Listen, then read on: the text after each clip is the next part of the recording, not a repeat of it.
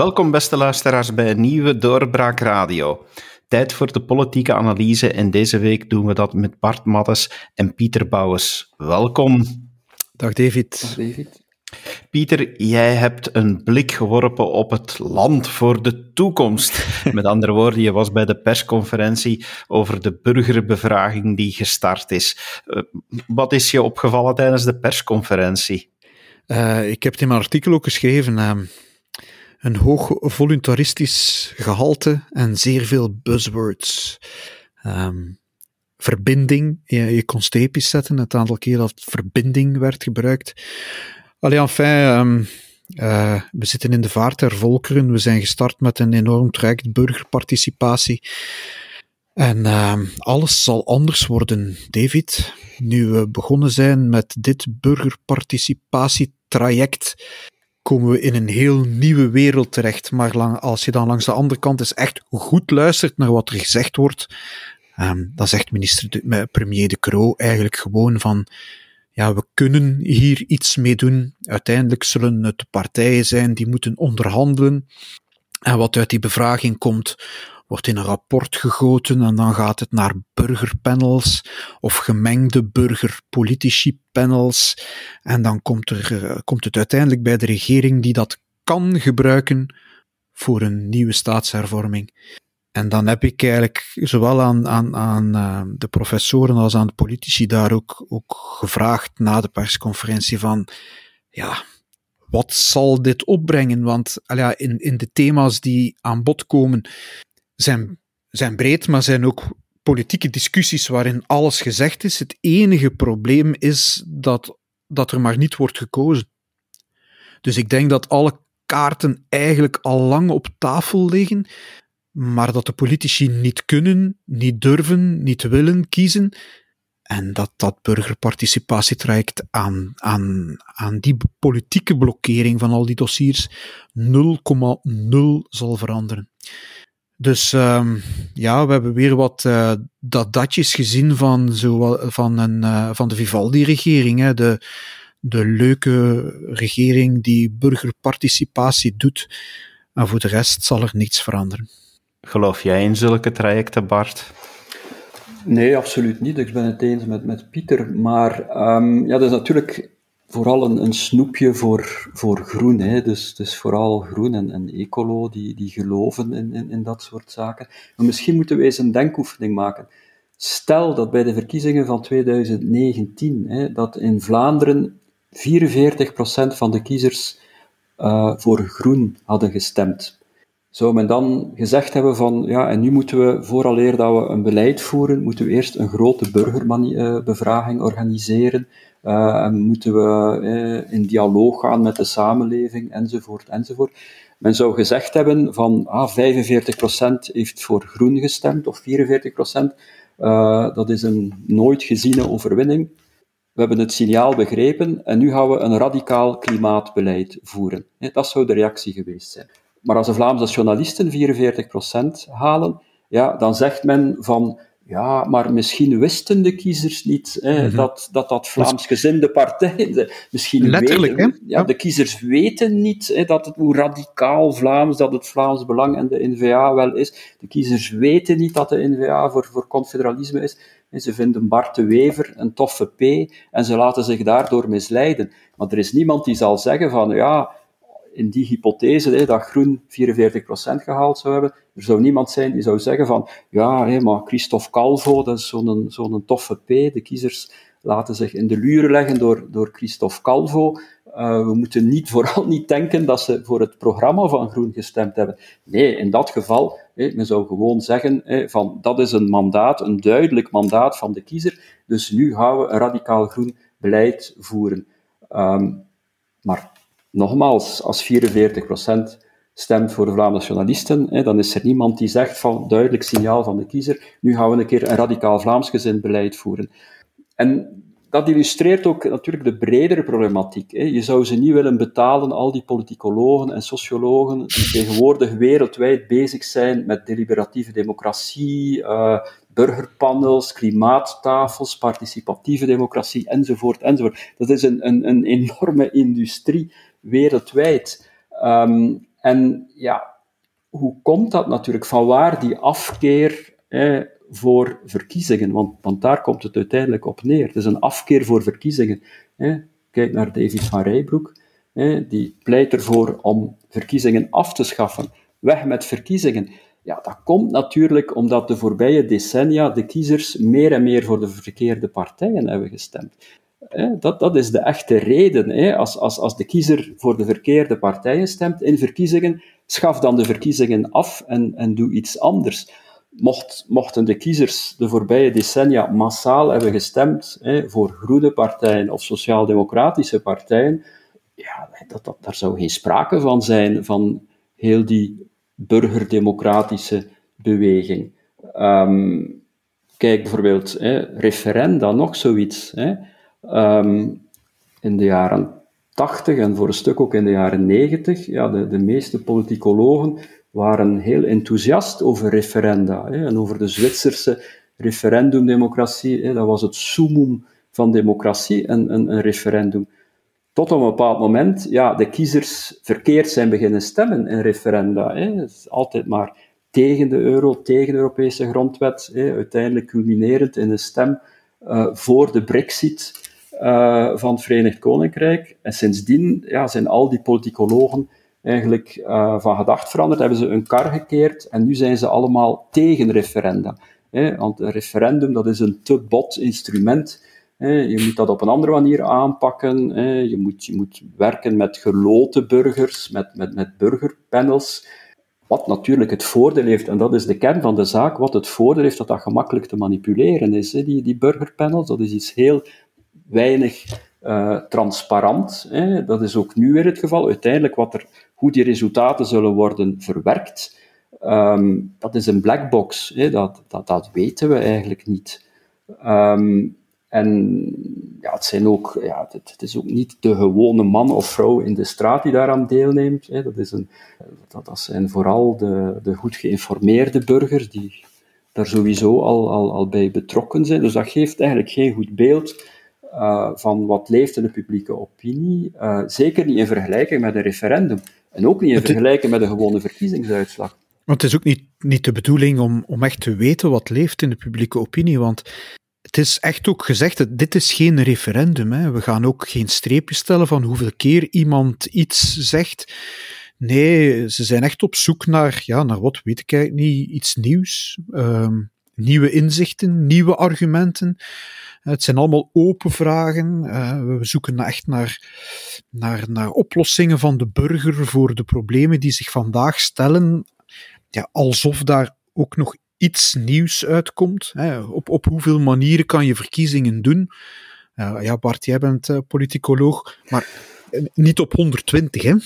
je, je, hebt, je, hebt, een proportioneel stelsel of, of een meerderheidsstelsel. En je kan die eventueel nog op een bepaalde manier combineren.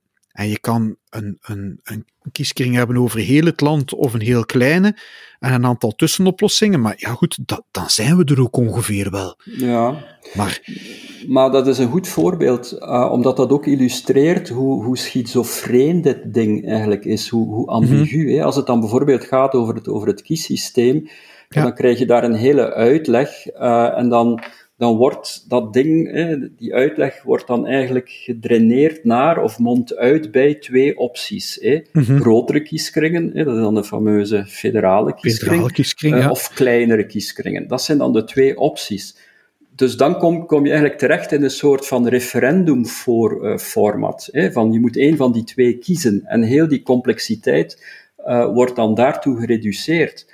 Alleen, ja, zoals je zei, kun je dan eigenlijk ook niet kiezen. Hè? Want je kunt niet zeggen van oké, ik ben voor kleinere kieskringen of ik ben voor grotere kieskringen. En dan is dat een open vraag en dan moet je daar dan commentaar uh, op geven. Dus ja, je, je, voelt ook wel dat daar van alle kanten aan, aan getrokken is. Hè? Dus dat er in de regering duidelijk mensen waren die, die, die meer voorstander waren van een referendumformat, omdat ze dan wellicht hoopten of verwachten dat, dat, dat van die, die ja, goed geïnformeerde betrokken burger, dat dan een meerderheid voor hun standpunt uh, zou kiezen. De anderen hebben dan duidelijk gezegd, ja, we willen er geen referendum van maken. En zo is men in eigenlijk heel, die, mhm. heel dat ambiguë format terechtgekomen, volgens mij. Ik heb al heel de tijd het gevoel, als, als ik er naar kijk, en ik heb het ook proberen al in te vullen, ik moet er nog mee verder gaan, maar moest ik cartoonist zijn, moest ik kunnen tekenen, dan zou ik het samenvatten in een vis die verdrinkt. Dat gevoel heb ik erbij. Ja, er waren gisteren op de persconferentie ook al direct vragen. Ehm, van ja, dat allemaal aan de burger voorleggen, overschat u de burger niet. Hè? En dan krijg je natuurlijk het politieke antwoord: wij, overschatten, eh, wij onder, onderschatten nooit de burger. Bedoel, oh, ja. Um, ja, maar als je dan eigenlijk echt eens op die website surft, ja, het is, het is niet iets dat je zomaar eens tussen de soep en de patatten invult. Het is ook geen vakjes zetten. Het is echt, ja, ik denk als je alle vragen invult, die, die, die zes thema's, dan nog eens alle vragen invult, dat je er wel echt ettelijke uren mee bezig bent. En dan, ja, hebben ze zes, heeft de burger zes weken om dat in te vullen.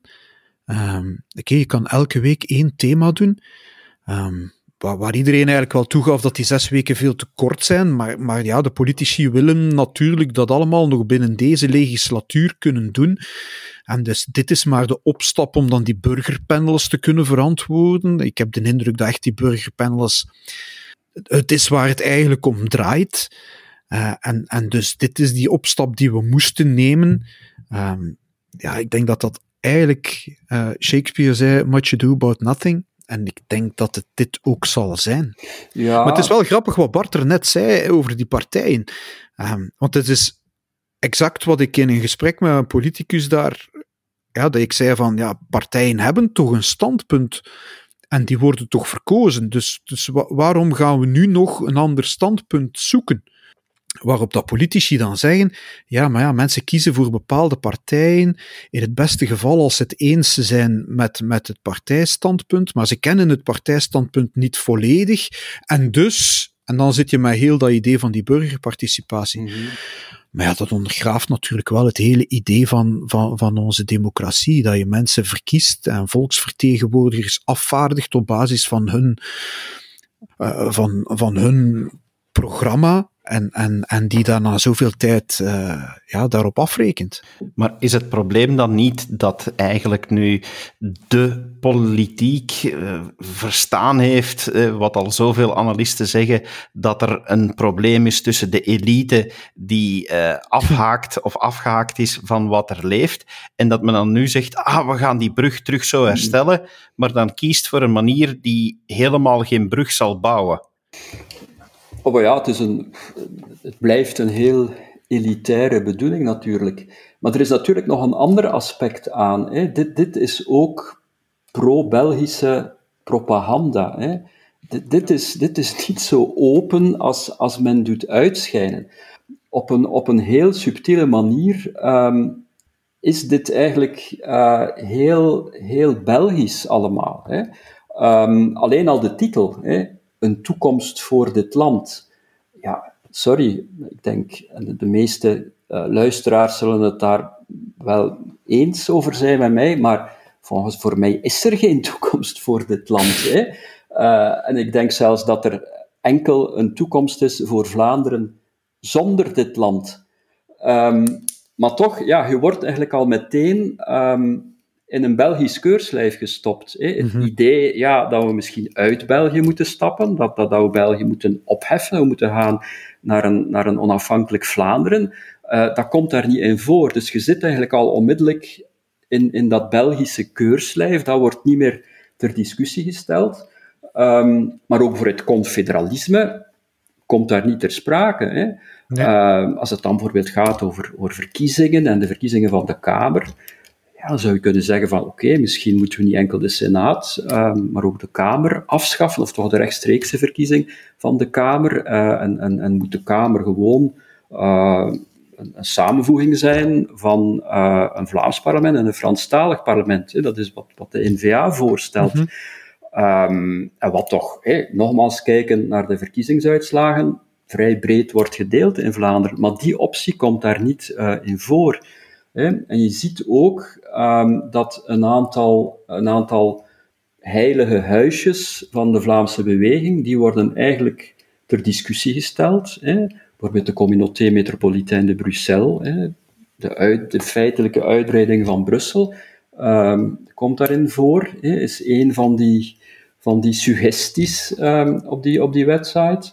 Uh, herfederalisering, federale kieskring, maar ook taalwetgeving. Hè, de eentaligheid van, van, mhm. van Vlaanderen wordt eigenlijk ook subtiel uh, ter discussie uh, gesteld.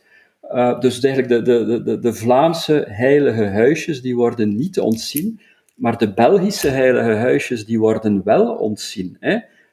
als het dan gaat over Brussel, ja, de optie om Brussel af te schaffen als derde gewest, hè, om Brussel eigenlijk ondergeschikt te maken opnieuw aan de federale overheid, um, dat, dat is een, die optie wordt niet gesuggereerd.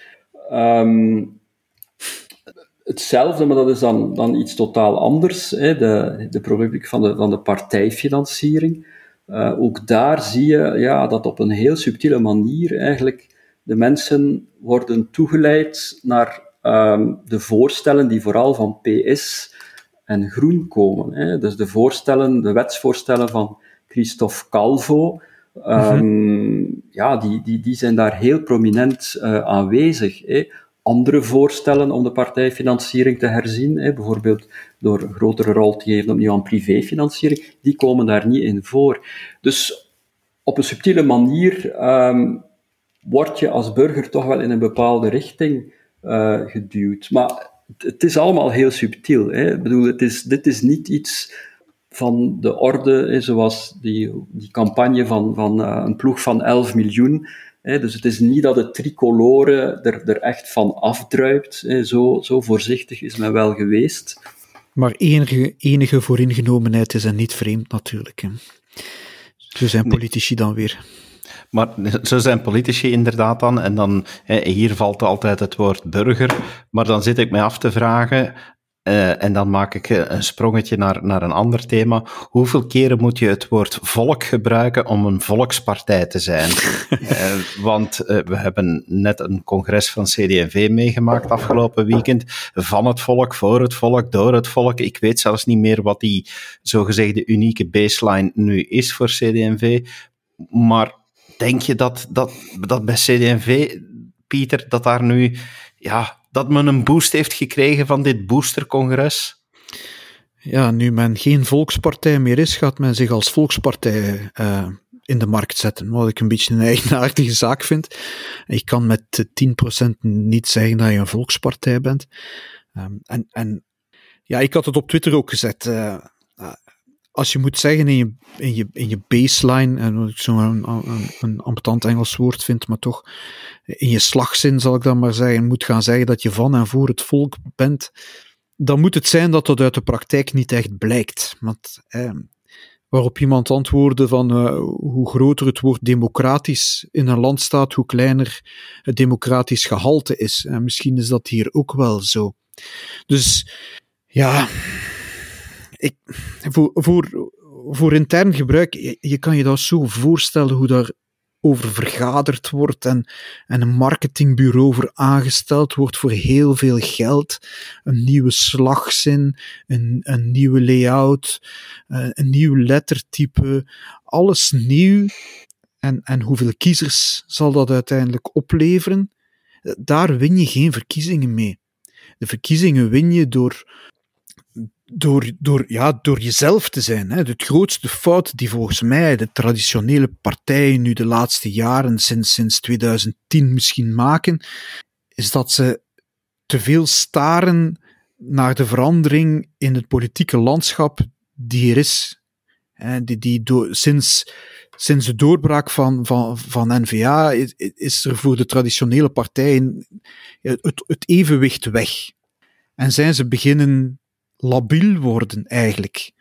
En, en, en ja, ze trekken zich los van hun eigen ideologische fundamenten, waardoor dat je dan allerlei rare dingen krijgt als van en voor het volk. Ja, wat zegt dat eigenlijk? Eigenlijk zegt dat niets. Je kan even goed iets anders zeggen of niks zeggen. Ja, daar haal je het niet mee. Bart heeft het hier op een vorige podcast ook al gehad over, over ideetjes, partijen die ideetjes lossen als het begin van het einde.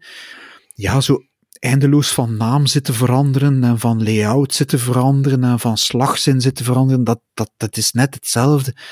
eigenlijk zijn ze op zoek naar zichzelf, op zoek naar een duidelijke identiteit, op zoek naar een ideologie misschien zelfs. Ja, en die vinden ze niet en, en dan nemen ze het surrogaat van een, een slagzin en een ander, le een ander lettertype. Is het een ideologische zoektocht volgens jou, Bart? Vreemd genoeg wel. Um, maar dan, dan moet ik een beetje denken aan dat verhaal van, van Edgar Allan Poe, uh, hoe heet het weer? De, de, de Stolen Letter, of de Purloined Letter, waar men dus eigenlijk in een huis op zoek gaat naar een brief die, die uh, die zeer goed verborgen zou zijn in dat huis. Hè, en men vindt die niet, maar uiteindelijk zit die brief uh, gewoon in een, uh, in een vakje waarop staat brieven. Hè. Maar daar heeft men nooit gekeken. En hetzelfde geldt eigenlijk voor CD&V. Ja, die, die identiteit van CD&V ligt toch voor de hand. Hè. Het unique selling proposition van CD&V. Ja. ja. dat is een christelijke partij. Hè. Er is maar één christelijke partij. Nee, maar het is nog altijd christendemocratisch en Vlaams. Uh, dat is toch de evidente identiteit van die partij. Um, die, een, identiteit die, die, die in mijn ogen ook relevanter is dan ooit. Hè. Ik ben er zeker van dat eigenlijk die, die religieuze breuklijn, um, dat, dat, dat is niet voorbij. Hè. Um, als je kijkt naar, naar al die ethische problemen die op ons afkomen, hè, alles wat te maken heeft met, met, met, met bioethiek, dan denk ik ja, dat, dat een christelijke partij nog altijd een plaats heeft, zelfs een belangrijke plaats in ons, in ons partijlandschap. Hè. Er zijn mm -hmm. zoveel, uh, zoveel um, thema's die daarmee samenhangen. Hè. Um, het, het, ja, alles wat te maken heeft met katholiek onderwijs, hè, nog altijd hè, de, de, de, katholieke zuil, het, het, het, het, patrimonium van de kerk, de kerkgebouw, maar bijvoorbeeld evengoed uh, het behoud van de zondagsrust. Uh, en ook veel breder. Ja, het, er is eigenlijk een heel rijke traditie van het christelijk personalisme, um, die toch ook ja, een, een, ideologische basis kan zijn voor een sociaal-economisch programma, en dat in het verleden ja, ook geweest is. Dus het is toch heel dom van, van, van CD&V om nu te zeggen, dus, dus heel die, die christelijke identiteit, uh, die moeten we niet meer hebben. Uh, we gaan dat vervangen door iets anders. Hè. We, zijn, we worden een centrumpartij, wat eigenlijk, je hebt het zoals daar straks gezegd, Pieter, wat eigenlijk betekent, ja, we, we, we kiezen voor geen identiteit. Hè. Het centrum, dat is uiteindelijk de grote leegte, dat is de afwezigheid van een identiteit. Uh, terwijl die identiteit er eigenlijk is, die ligt voor het grijpen. Maar natuurlijk zegt men dan van oké, okay, ja, dat we willen geen nichepartij worden. Hè. We willen niet worden zoals de, de ChristenUnie um, in, in, in Nederland. Hè. Dat is dan de reactie van, van, van CD&V. Maar uiteindelijk, ja, een relatief kleine partij als CD&V, de keuze tussen eventueel een nichepartij en, en een non-partij of een partij zonder identiteit, ja, voor, voor mij zou de keuze dan toch snel gemaakt zijn, omdat het die identiteit daarmee staat of valt de mhm. partij. Hè? Als je, je moet kunnen zeggen aan de kiezer, daar staan wij voor. En, en als je kunt zeggen van kijk, wij zijn, wij zijn een christelijke partij met alles wat ermee samenhangt, dat is een duidelijk antwoord. Als je moet zeggen van ja, wij zijn een centrumpartij, dat, dat, dat zegt niets. En trouwens, bij CDH is dat ook niet gelukt. Hè? Dat was de strategie van CDH om zich in de markt te zetten als hè, het centrum Um, Les engagés. Uh, humanist, ja, en dan, toen dat dan niet mislukt is, heeft men dan die hm. stap gezet naar le, les engagés, uh, wat dat dan nog vager is. Dus dat is een sukkelstraatje. Uh, dus ik zou toch, toch CV niet aanraden om diezelfde weg op te gaan. Want, want het is toch, ja, eigenlijk, ja, ik weet niet, misschien scherp, maar die stedelijke CD&V'ers, die vandaag niet meer in dat verhaal lijken te geloven, hè? In het verhaal van een, een christelijke partij, het personalisme, wie kan dat nog uitleggen bij de CD&V? Niemand. Terwijl dat eigenlijk juist de unieke, ja, het unieke punt is van, van, van, van CD&V, waar, waar ze het verschil kunnen opmaken. Maar goed, ja. ja enfin, ik vind dat bij, bij Open VLD ook. Hè. Ja, bedoel, Het gevoel dat ik weer had eh, bij, bij het volgen van dit congres en wat er allemaal toe deed en niet toe deed, eh, eh, zou ik ook wel weer kunnen uitdrukken in een cartoon. Neem dezelfde cartoon van daarnet, weer een vijver, maar in plaats van een vis die verdrinkt, een uh, partijvoorzitter Joachim Koens die verdrinkt, en aan de rand staat een visser, Sami Medi, uh, en die weigert van zijn net uit te steken. Iets in die aard zou ik tekenen daar ging het toch dit weekend eigenlijk wel meer om als je, als je ook zo in de coulissen meevolgt. Ja, maar dat hebben ze toch ook een groot deel aan zichzelf te danken door daar nu zo weer een, een, een punt van te maken. Uh, de vraag is, wie wil vandaag CD&V-voorzitter zijn hè? en de volgende verkiezingen verliezen? Wel ja, ik, ik vraag me af of Joachim Koens niet gewoon...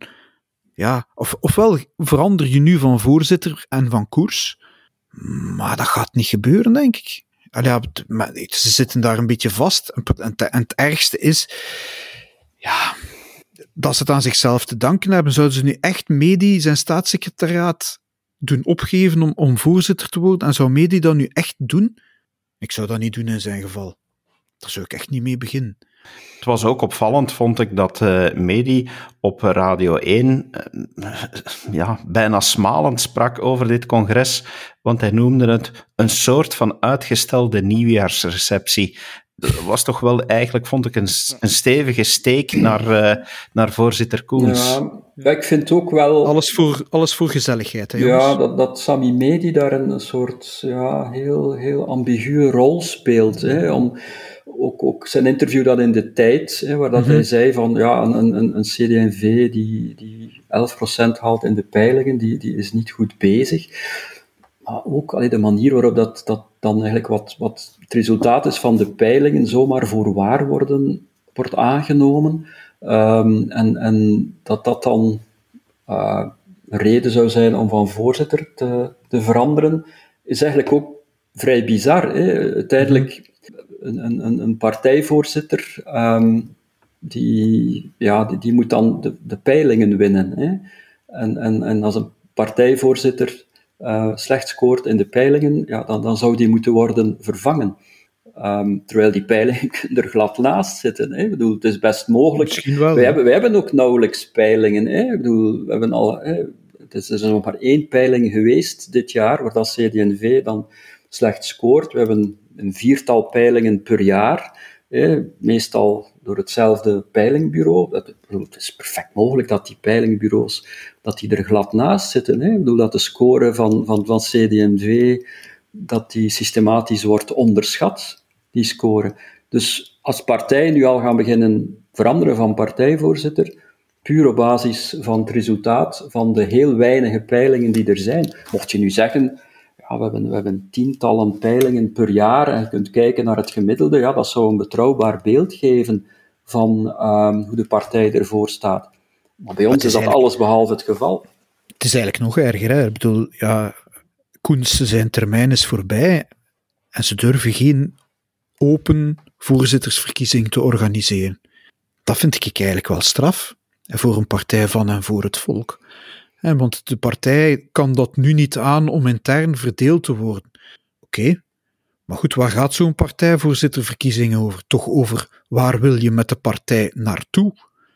Op het moment dat iedereen vindt dat het niet goed gaat met de partij, lijkt mij dat juist een heel interessant debat te zijn.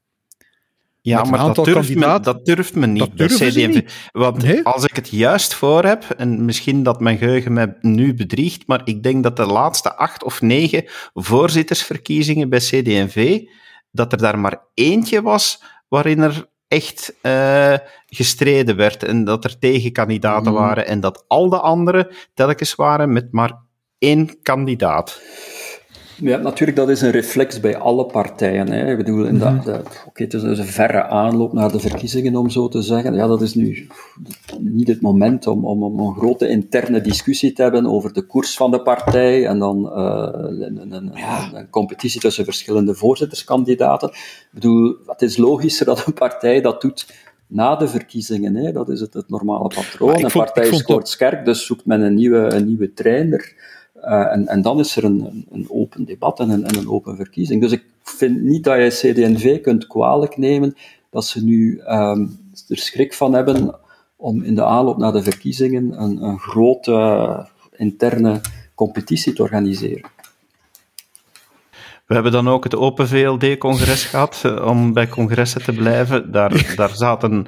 Uh, Uw enthousiasme spreekt boekdelen, David. Uh. Wel, ja, het, het, is, het is niet dat, het, dat er zoveel, dat je zegt van wauw, maar toch detail, twee details die mij erin opgevallen zijn. Een eerste is dat men daar goedgekeurd heeft, een, een standpunt heeft goedgekeurd, dat het federale niveau overmacht krijgt op de deelstaten, alleszins wat een aantal domeinen betreft. Uh, en dus dat wanneer de deelstaten het niet eens zijn, dat het federale niveau, lees de federale regering, dan zou kunnen overroelen. Uh, toch wel een zeer Belgicistisch trekje dat in de partij zit die twintig jaar geleden het confederale model mhm. als het model naar voren zette.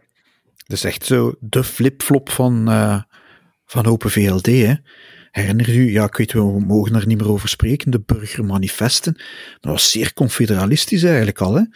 En, en, en ja, toch nog niet zo lang geleden, Gwendoline Rutte nog als voorzitter uh, brak een lans voor confederalisme, want um, toen zei Rutte op tv, als ik mij niet bedrieg, van ja, het beleid moet dichter bij de burger. En dus kiezen wij voor confederalisme. Uh, heeft, heeft de Gucht geen boek geschreven, ja, dat is dan al langer geleden, het einde van de pilaren of zoiets, waar, waar, hij, hetzelfde bepleit. En, en nu in één keer, um, dus het moet zijn dat er in, in die tussentijd enorm veel veranderd is, dat, dat, dat plots Open VLD er een heel ander standpunt op nahoudt. Volgens mij persoonlijk is er maar één ding veranderd en dat is de NVA die opgekomen is en die heel sterk opkomt met dat confederalisme. En ook hier zijn er een paar marketingpolitici die zeggen, ja, wij, wij moeten het verschil maken. Niet onze eigen opvatting telt, maar wij moeten het verschil maken met de andere partij. En dan krijg je dus zo, ja, de flip-flop. Ja, en als er morgen dan misschien een grote Belgicistische partij opstaat, zal Open VLD weer voor confederalisme zijn om het verschil te maken. En dan vraag ik mij in alle eerlijkheid af, wat heb je daar eigenlijk aan aan zo'n partij? Die maken zichzelf toch overbodig. Als je gewoon meesurft op, op, op, op golven die, die al dan niet komen of niet komen. Ja, nee. Ja, ik ben daar... Ja, ik kwam gisteren thuis van die persconferentie. Ik zei tegen mijn vrouw: ik zeg, eigenlijk moeten mensen zich behoeden om niet cynisch te worden. Maar ik had dit, dit weekend met, met die congressen ook. Je mens moet zich behoeden om daar niet cynisch over te worden, maar het is soms echt moeilijk in, in federaties is het daar nodig, Bart, om zulke hiërarchie dus, uh, er, uh, er, er systemen te hebben? Of uh, als je dat vergelijkt met andere landen, is dit nu een goed idee van Open VLD om, om dit voor te stellen? Dat is nu net, men zegt altijd van België is veel te complex, ons federalisme is veel te ingewikkeld. Uh, wat dat is nu net iets in vergelijking met andere federaties wat relatief eenvoudig is bij ons. We hebben een, een zwart-wit model, ofwel is een bevoegdheid, uh, een federale bevoegdheid, oftewel is de bevoegdheid van, van, van de deelstaten. Dat zijn dus die exclusieve um, bevoegdheden. Als je kijkt naar andere federaties, is dat vaak heel complex. In Spanje hebben ze, hebben ze vier soorten bevoegdheden: exclusief, gedeeld, concurrerend, uitvoerende bevoegdheden. In Duitsland idem dito. Um, dus dat, dat, dat maakt dat het heel moeilijk is om te weten wie is nu precies waarvoor bevoegd. Bij ons is dat vrij eenvoudig wat dat betreft. In de, op de hoorzitting van het, het Vlaams parlement, werkgroep hm. institutionele zaken, heeft Wouter Pas, rechter bij de Raad van State, uh, precies dat standpunt verdedigd. Hè. Hij zei van, alsjeblieft, raak toch niet aan dat principe van exclusieve bevoegdheidsverdeling, want dat is tenminste nog iets duidelijk in ons, uh, in ons federaal model. Als men dat nu op de helling zou zetten en als men zou gaan naar een, een vorm van hiërarchie, hè, waarbij dat dan onder bepaalde omstandigheden de federale overheid een bevoegdheid naar zich toe uh, zou trekken, ja, dan, dan, dan maak je ons systeem nog veel ingewikkelder. Want dan zal natuurlijk de vraag zijn, in, in welke omstandigheden ja, zal de federale regering dat dan kunnen doen en, en, en wat zal dan ja, de bevoegdheid nog zijn van, van de deelstaten. Dus dat is een, een zaak die veel complexer is um, dan wat je op het eerste zicht zou denken. Um, En dus zelfs nog los van, van het communautaire, hè, valt er heel wat te zeggen tegen dat voorstel. Het is natuurlijk ook een illusie, hè? dat is natuurlijk het, het meest fundamentele bezwaar. Als er een oneenigheid is tussen de deelstaten, als, als het Vlaams gewest en het Brussels gewest het niet eens zijn met elkaar um, over het lawaai van de vliegtuigen die opstijgen mhm. of landen in Zaventem. Ja, het is natuurlijk een, een, illusie om te denken dat dat probleem dan zal worden opgelost door het op federaal niveau te, te, te, te tillen. Hè. Dus je hebt een, een, een, probleem tussen Vlamingen en Franstaligen die heel anders aankijken uh, tegen een aantal zaken, die ook vaak heel tegenstrijdige belangen hebben. Um, dus dat vertaalt zich nu in een tegenstelling tussen verschillende deelstaten, die dan moeten overleggen hè, en tot een akkoord komen. En dat lukt soms niet. Um, dus het is, het, is eigenlijk heel naïef om te denken dat dat dan op een miraculeuze manier zou worden opgelost als je dat op federaal niveau tilt. Hè. Als je zegt van, uh, nu is dat een, een, probleem van de federale regering en mogen dus de Vlamingen en de Franstaligen binnen de federale regering dat uitvechten. Het enige resultaat daarvan zal zijn um, dat je dus ja, politieke instabiliteit creëert op federaal niveau en dat je dus eigenlijk veel sneller een regeringscrisis zult hebben. Zolang dat, zult hebben, zolang dat, dat probleem een probleem is van, van de deelstaten, uh, heeft dat eigenlijk geen implicaties voor de, voor de federale regering en, en uh, voor de stabiliteit van de federale regering. Als je zegt van oké, nu is dat een federale kwestie, ja, dan riskeer je dus een regeringscrisis en instabiliteit. Hè. Dus ook vanuit dat standpunt bekeken is dat eigenlijk een zeer slecht idee, tenzij natuurlijk, hè, en dat is vrees ik bij velen de, de, het achterliggende idee, tenzij natuurlijk dat je zegt van oké, maar die tegenstelling tussen Vlamingen en Franstaligen, ja, die kan even goed worden opgelost door de Vlamingen te minoriseren. Hè. Als je een federale regering hebt zonder meerderheid in Vlaanderen, um, die wordt gedomineerd door Franstalige partijen, ja, dan kun je het probleem natuurlijk oplossen uh, door gewoon um, via die federale regering het Franstalige standpunt op te dringen um, aan de Vlamingen. Hè, wat je natuurlijk niet kunt, zolang dat, dat uh, een probleem is tussen deelstaten. En ik denk misschien niet bij Open VLD, maar, maar bij veel voorstanders, dan meer linkse voorstanders van, van dat model, hè, zeker dan als het gaat over, over het klimaatbeleid, is dat natuurlijk het idee. Dat is dus eigenlijk uh, een manier om ons um, een, een, radicaal klimaatbeleid door de strot te duwen um, tegen de mening van de Vlamingen in en tegen de Vlaamse regering in. Het is een zoveelste ideetje, uh, David, of een zoveelste Belgische oplossing, waarvan dat dan eigenlijk, het is een oplossing voor een, een probleem, die tegelijkertijd een heleboel andere problemen creëert. En dat heb je met de federale kieskringen, dat hebben we al die Belgische zogenaamd frisse ideeën om de, om de zaak op te lossen. Dat is hier eigenlijk ook. Je denkt een probleem op te lossen, maar je creëert er een heleboel andere bij. Ik zei dat er mij twee dingen waren opgevallen. Het tweede ding mhm. was een voorstel van Jong VLD, een aanpassing aan de statuten, uh, ja, die toch wel behoorlijk wat gevolg heeft voor het partijbestuur van Open VLD. Uh, eh, men heeft daar uh, bloedverwantschap, de regels die er zo wat bestaan op gemeenteraadsniveau, doorgetrokken naar het partijbestuur. Dus geen vader en zoon meer in hetzelfde bestuur. Dat wil zeggen dat er behoorlijk wat moet veranderen in het partijbestuur van, van Open VLD. En daar tegelijk bij dat de helft van de leden in dat bestuur voortaan niet mandataris moeten zijn met een heel brede definitie van mandataris. Dus uh, toch wel een behoorlijk ander partijbestuur dat uh, na de volgende verkiezingen bij Open VLD zal bestaan. Um, zodat, zodat misschien nog het meest terug dynamiek binnenbrengen uh, binnen de liberale partij. Goh, dat weet ik niet. Het lijkt wel een beetje uh, voorstellen van Groen of zo, die, die het bij, uh, bij de liberalen gehaald hebben. Maar ik herinner me de lijstjes bij, bij die verkiezingen van dat partijbureau. Ja, dat, dat, dat deed toch wel wat wenkbrauwfronsen als je zag hoeveel vaders, zonen en, en, en inderdaad mandatarissen daarin zitten. Ja, dat, dat, dat kan toch niet de bedoeling zijn. Ik vind het niet gezond voor een partij, maar goed, uh, een partij moet zichzelf organiseren, dus misschien is het hier wel een beetje een, uh, een reflex Gaat het beter zijn? Ja, dat hangt er natuurlijk vanaf met wie in de plaats komt. Hè. En, en hoe je die gaat verkiezen. En, en of je dan nog genoeg en, en, en een goede kritische massa hebt om die partij op een bepaalde ja, ideologische lijn te houden. Hè. Ik hoor toch veel liberalen klagen over het feit dat de liberale partij niet meer liberaal is. Ja, misschien moet, uh, kan dit wel zorgen voor een oplossing. Wanneer we het dan nu toch hebben over verkiezingen eh, en veranderende partijbesturen. Eh, N-VA heeft een nieuwe ondervoorzitter, Steven van de Put. Bart, was dat uh, iemand die, die jij had verwacht om op die stoel te gaan zitten? Wat niet echt, hè, omdat um, ik heb toch het gevoel ja, dat men binnen N-VA daar heel anders tegen aankijkt, tegen die ondervoorzittersverkiezing, dan buiten de NVA. Buiten de NVA wordt dat zo heel politiek ingekleurd. Uh, en, en, doet men alsof dat, dat een, een, verkiezing is van degene, die, e, de, eerste in lijn om Bart de Wever op te volgen.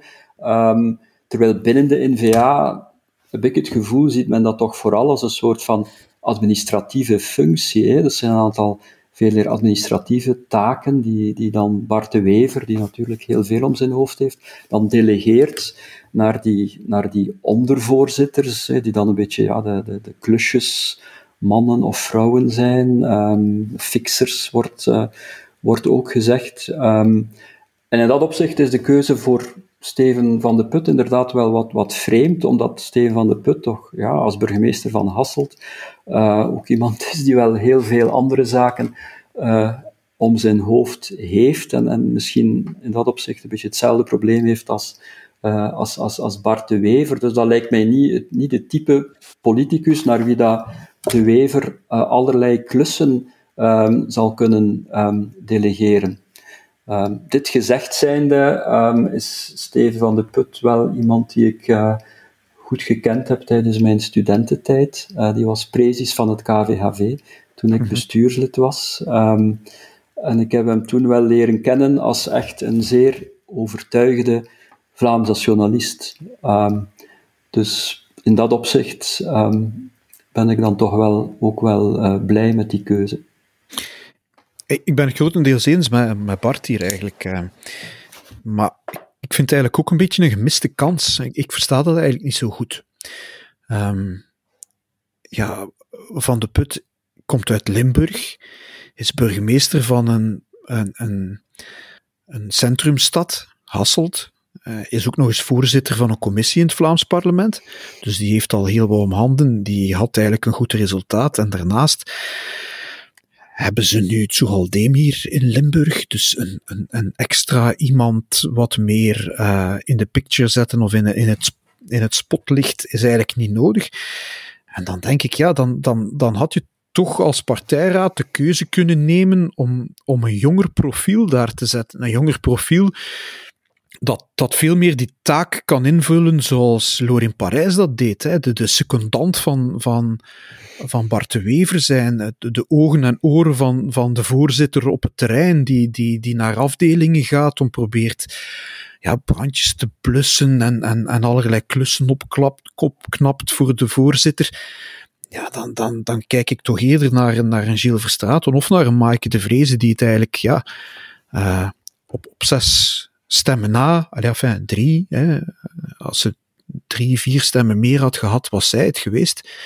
Dan denk ik, een, een, een jonge vrouw uit West-Vlaanderen, ja, waar het aantal kopstukken toch niet zo dik gezaaid is voor N-VA, waar Geert Bourgeois misschien stopt, ja, dan leek me dat toch een veel, ja, verstandiger of strategischer keuze geweest te zijn. Maar goed, blijkbaar is die partijraad echt uh, onbestuurbaar? Of, of doet hij echt uh, zijn zin? Uh, ik weet het niet. ik las ergens dat die partijraad koos voor grotendeels iemand die, die op hunzelf gelijkt. een iets oudere man, ik weet dat niet. je kijkt naar, als je kijkt naar het aantal stemmen van Maaike de Vrezen, dan moet het, moet het misschien een beetje 50-50 zijn. Maar ik vind dat eigenlijk voor de partij, eerlijk gezegd, een gemiste kans. En ja, dat is toch raar. Maar het is misschien ook wel meer te bekijken als een interne aangelegenheid, zoals Bart zegt. En dan moeten we misschien stilstaan bij het feit dat dit misschien uh, een stukje schaduwboksen was van de fractie Zoual Demir tegen de fractie Theo Franke. Want zij hadden toch eigenlijk ieder hun favoriet uitgekozen. ja, ik weet het niet. Ik, heb eigenlijk wel gelachen, moet ik zeggen, als ik al die uh, besprekingen achteraf zie uh, las in de kranten uh, of op de websites, dan, dan is het precies of Theo Franken achter de schermen daar alles bepaalt. Dat, dat lijkt mij helemaal niet zo te zijn. ik denk dat hij dat zelf ook zal tegenspreken. Het lijkt mij een beetje zo het idee van journalisten.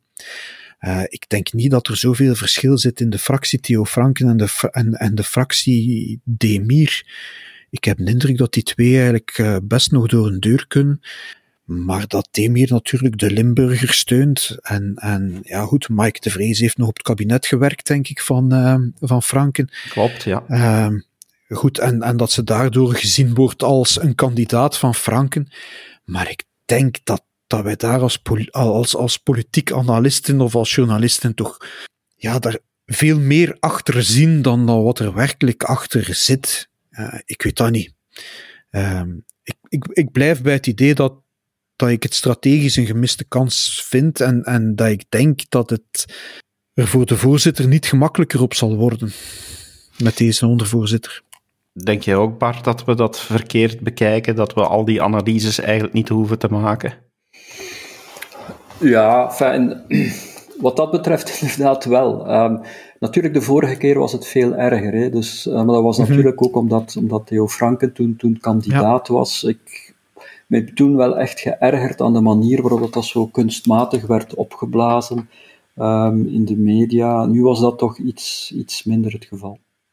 Ja, want die grote fracties, ja, men zegt dat vaak, hè, uh, er zijn geen zuilen of, of er zijn geen georganiseerde groepen binnen NVA. En dat is ook zo. Dat valt uiteen.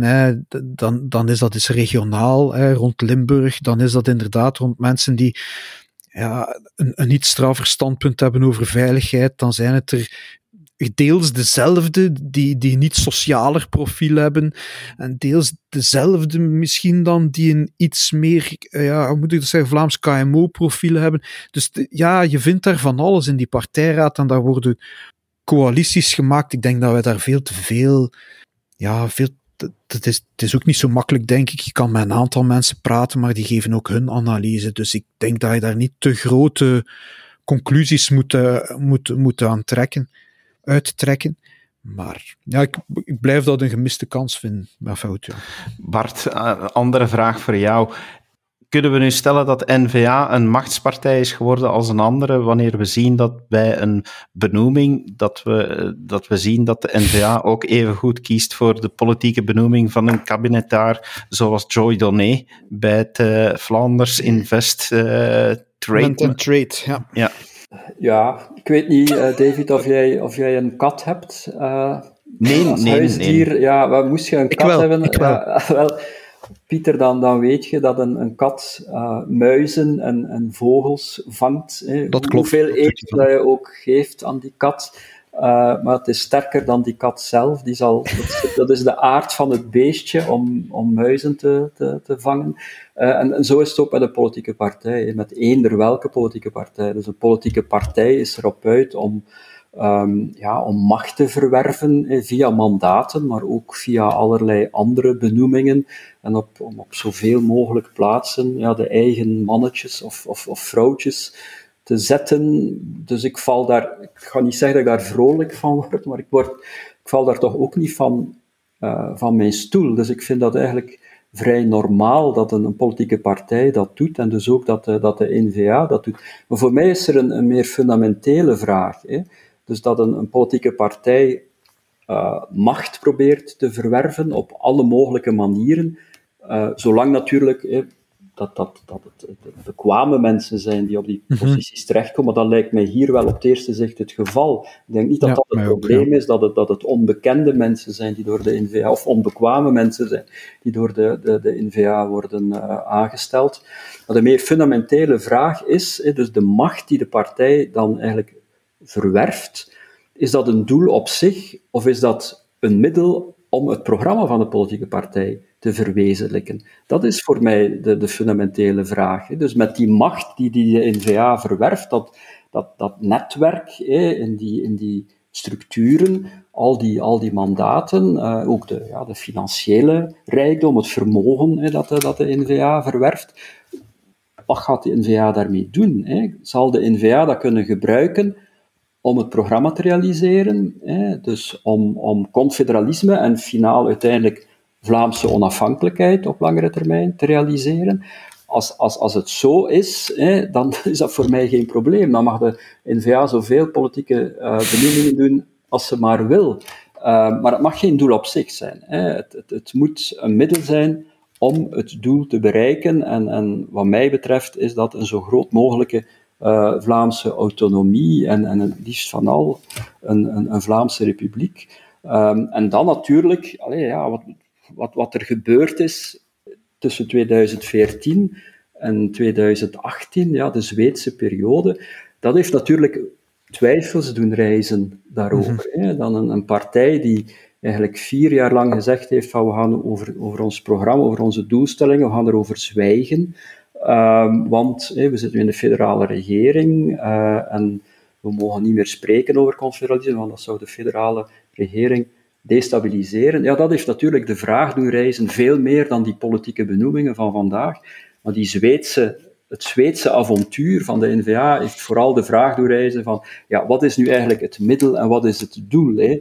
Is uh, machtsverwerving, is dat um, een middel om een doel te bereiken, of is dat een doel op zichzelf geworden? Nu we het over politieke beestjes hebben, dan ga ik van de kat naar het konijn. Uh, sorry voor de flauwe woordgrap. Maar uh, Conor Rousseau, voorzitter van Vooruit, die heeft laten weten dat hij op uitstap is geweest in Molenbeek en vond dat hij daarmee niet langer in België uh, was. En dat lokt enorm veel reacties uit, waarbij het mij opvalt. En dan, Pieter, ga ik de vraag eerst aan jou stellen, waarbij het mij opvalt dat de mainstream media voornamelijk de kritiek uh, weergeeft op die reactie en heel weinig op zoek gaat naar mensen die zeggen, ja, ik begrijp die uitspraak wel. Ja, hij, stapt hier buiten de consensus. Hè? Ik vind dat wel interessant om te zien dat iemand van, uh, van een, een traditionele partij um, hier, hier buiten die, laat het ons gewoon politiek correcte consensus noemen, dat die daar buiten stapt. Um, ik denk dat ze bij Radio 1 zichzelf ook een beetje verslikten uh, toen hij dat zei. En, en niet goed wisten van, wat, gebeurt er hier? Hè? Ik bedoel, de, politieke correctheid zelf gaat hier, uh, gaat hier op die manier uit de bocht.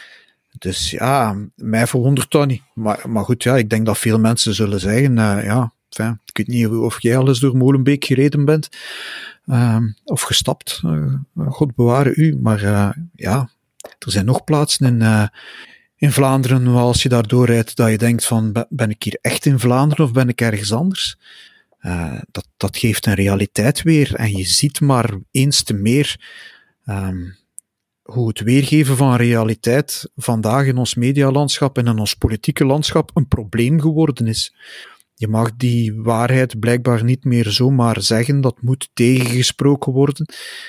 Ja, en, en daar zitten we bij de kern van eigenlijk een, een, een groot probleem in de media en in de politiek. Vandaar dat we nog maar wat verder zullen doen met doorbraak te maken, hè David?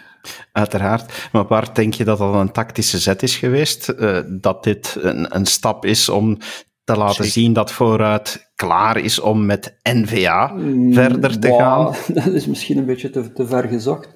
Uh, maar het is natuurlijk, Conor Rousseau wil zich profileren als iemand die aan, aan parler vrai doet, hè, die, die de dingen zegt zoals ze zijn en, en uh, bedoel, ja, Pieter heeft het gezegd. Ja, diegenen die betwisten wat, wat Conor Rousseau hier zegt, dat zijn enkel degenen die nog nooit in Molenbeek geweest zijn. Hè. Um, dus Conor Rousseau is iemand ja, die, die zijn gedacht zegt en, en die inderdaad ook, ook dat imago wil, wil opbouwen uh, van iemand die gewoon uh, zijn gedacht zegt. Dus ik denk dat dat, dat, dat erin zit. Maar het is natuurlijk, dat is eigenlijk het akelige. Dus, dus, dus zoals Pieter het zegt, hè, die, die politiek correcte elitaire consensus, hè, dus eigenlijk al die, die journalisten en politici die, die kamperen op, op de zakdoek van het eigen gelijk. En een paar, paar weken geleden heeft Pieter op doorbraak daar een heel uitvoerige en redelijk exhaustieve cataloog uh, van gegeven. Dus van al die, die dogma's, dus binnen dat politiek correcte denken. Um, en het, het, het erge is inderdaad dat ja, iedereen die, die, die, die dan iets zegt dat daar niet mee strookt, um, ja, die, die, die wordt dan eigenlijk buitengesloten. Hè. Dus dat, dat hebben we ook gezien hè, met de verkiezingen in Frankrijk. Um, dat is dan zogezegd ondemocratisch. Hè. Alles wat dat dan mhm. buiten die, die, die, die beperkte, die, die heel nauwe elitaire consensus valt, um, dat is dan zogezegd ondemocratisch. En dat hebben we nu weer gezien met Conor Rousseau. Je kunt zeggen van, hij had dat beter niet gezegd, uh, of hij overdrijft een beetje, of, of oké, het is niet overal zo erg in Molenbeek, enzovoort, enzovoort. Nee, dus wat dat Catherine um, Moureau, dan, de burgemeester van, van Molenbeek, zegt, het is racistisch. Het is racistisch om dat te zeggen. Hè. Dat betekent meteen ook, ja, racisme is een, is een misdrijf. Hè. Dus eigenlijk zegt zij hier van, het is misdadig wat, wat, wat Conor Rousseau hier zegt. Hè. Dus, dus, dus ja, misschien moet Conor Rousseau dan wel in het rijtje gaan staan, uh, samen met Voorpost um, en, en met uh, Jeff Goeibergs, hè, om te worden veroordeeld door, door een of andere activistische progressieve rechter. En toch denk ik, hè Bart, dat Conor Rousseau dat niet zomaar zegt. Dat hij heel goed weet op voorhand dat hij dat zal zeggen. En dat hij dat op voorhand ook onderzocht heeft of dat genoeg leeft om dat te zeggen. Ja, maar dat betwist ik. Conor Rousseau is een marketingman. Hè. Ik geloof daar echt in dat, dat, dat die dat hij heel sterk bezig is met, met dat imago, maar ook heel sterk bezig is met onderzoeken van wat gaan we zeggen, wat gaan we niet zeggen, hoe gaan we dat zeggen, hmm. waar gaan we dat zeggen. Dus ja, het is ook geen toevalligheid. Of misschien zoeken we daar als journalist ook weer te veel achter, maar in dit geval ben ik daar echt wel van overtuigd. Ja, maar dat is niet in tegenspraak met wat ik daar straks zei. Nee, nee, natuurlijk dus niet. Nee, nee, het is dat, dat imago dat, hij, dat hij wil projecteren en, en, en, en dat, dat, dat past daarin. En, en, maar het is boeiend hè, dat iemand van, van, een, politieke van, van een, een traditionele politieke partij ja, ja, een beetje de Rubicon oversteekt. Hè. Ja, want gaan, mogen de Franstalige politici nu eigenlijk nog wel in debat gaan met, met zo iemand? uh, valt dat eigenlijk niet onder het cordon mediatiek? Uh, dat is toch wel een, een ernstig probleem, uh, ja.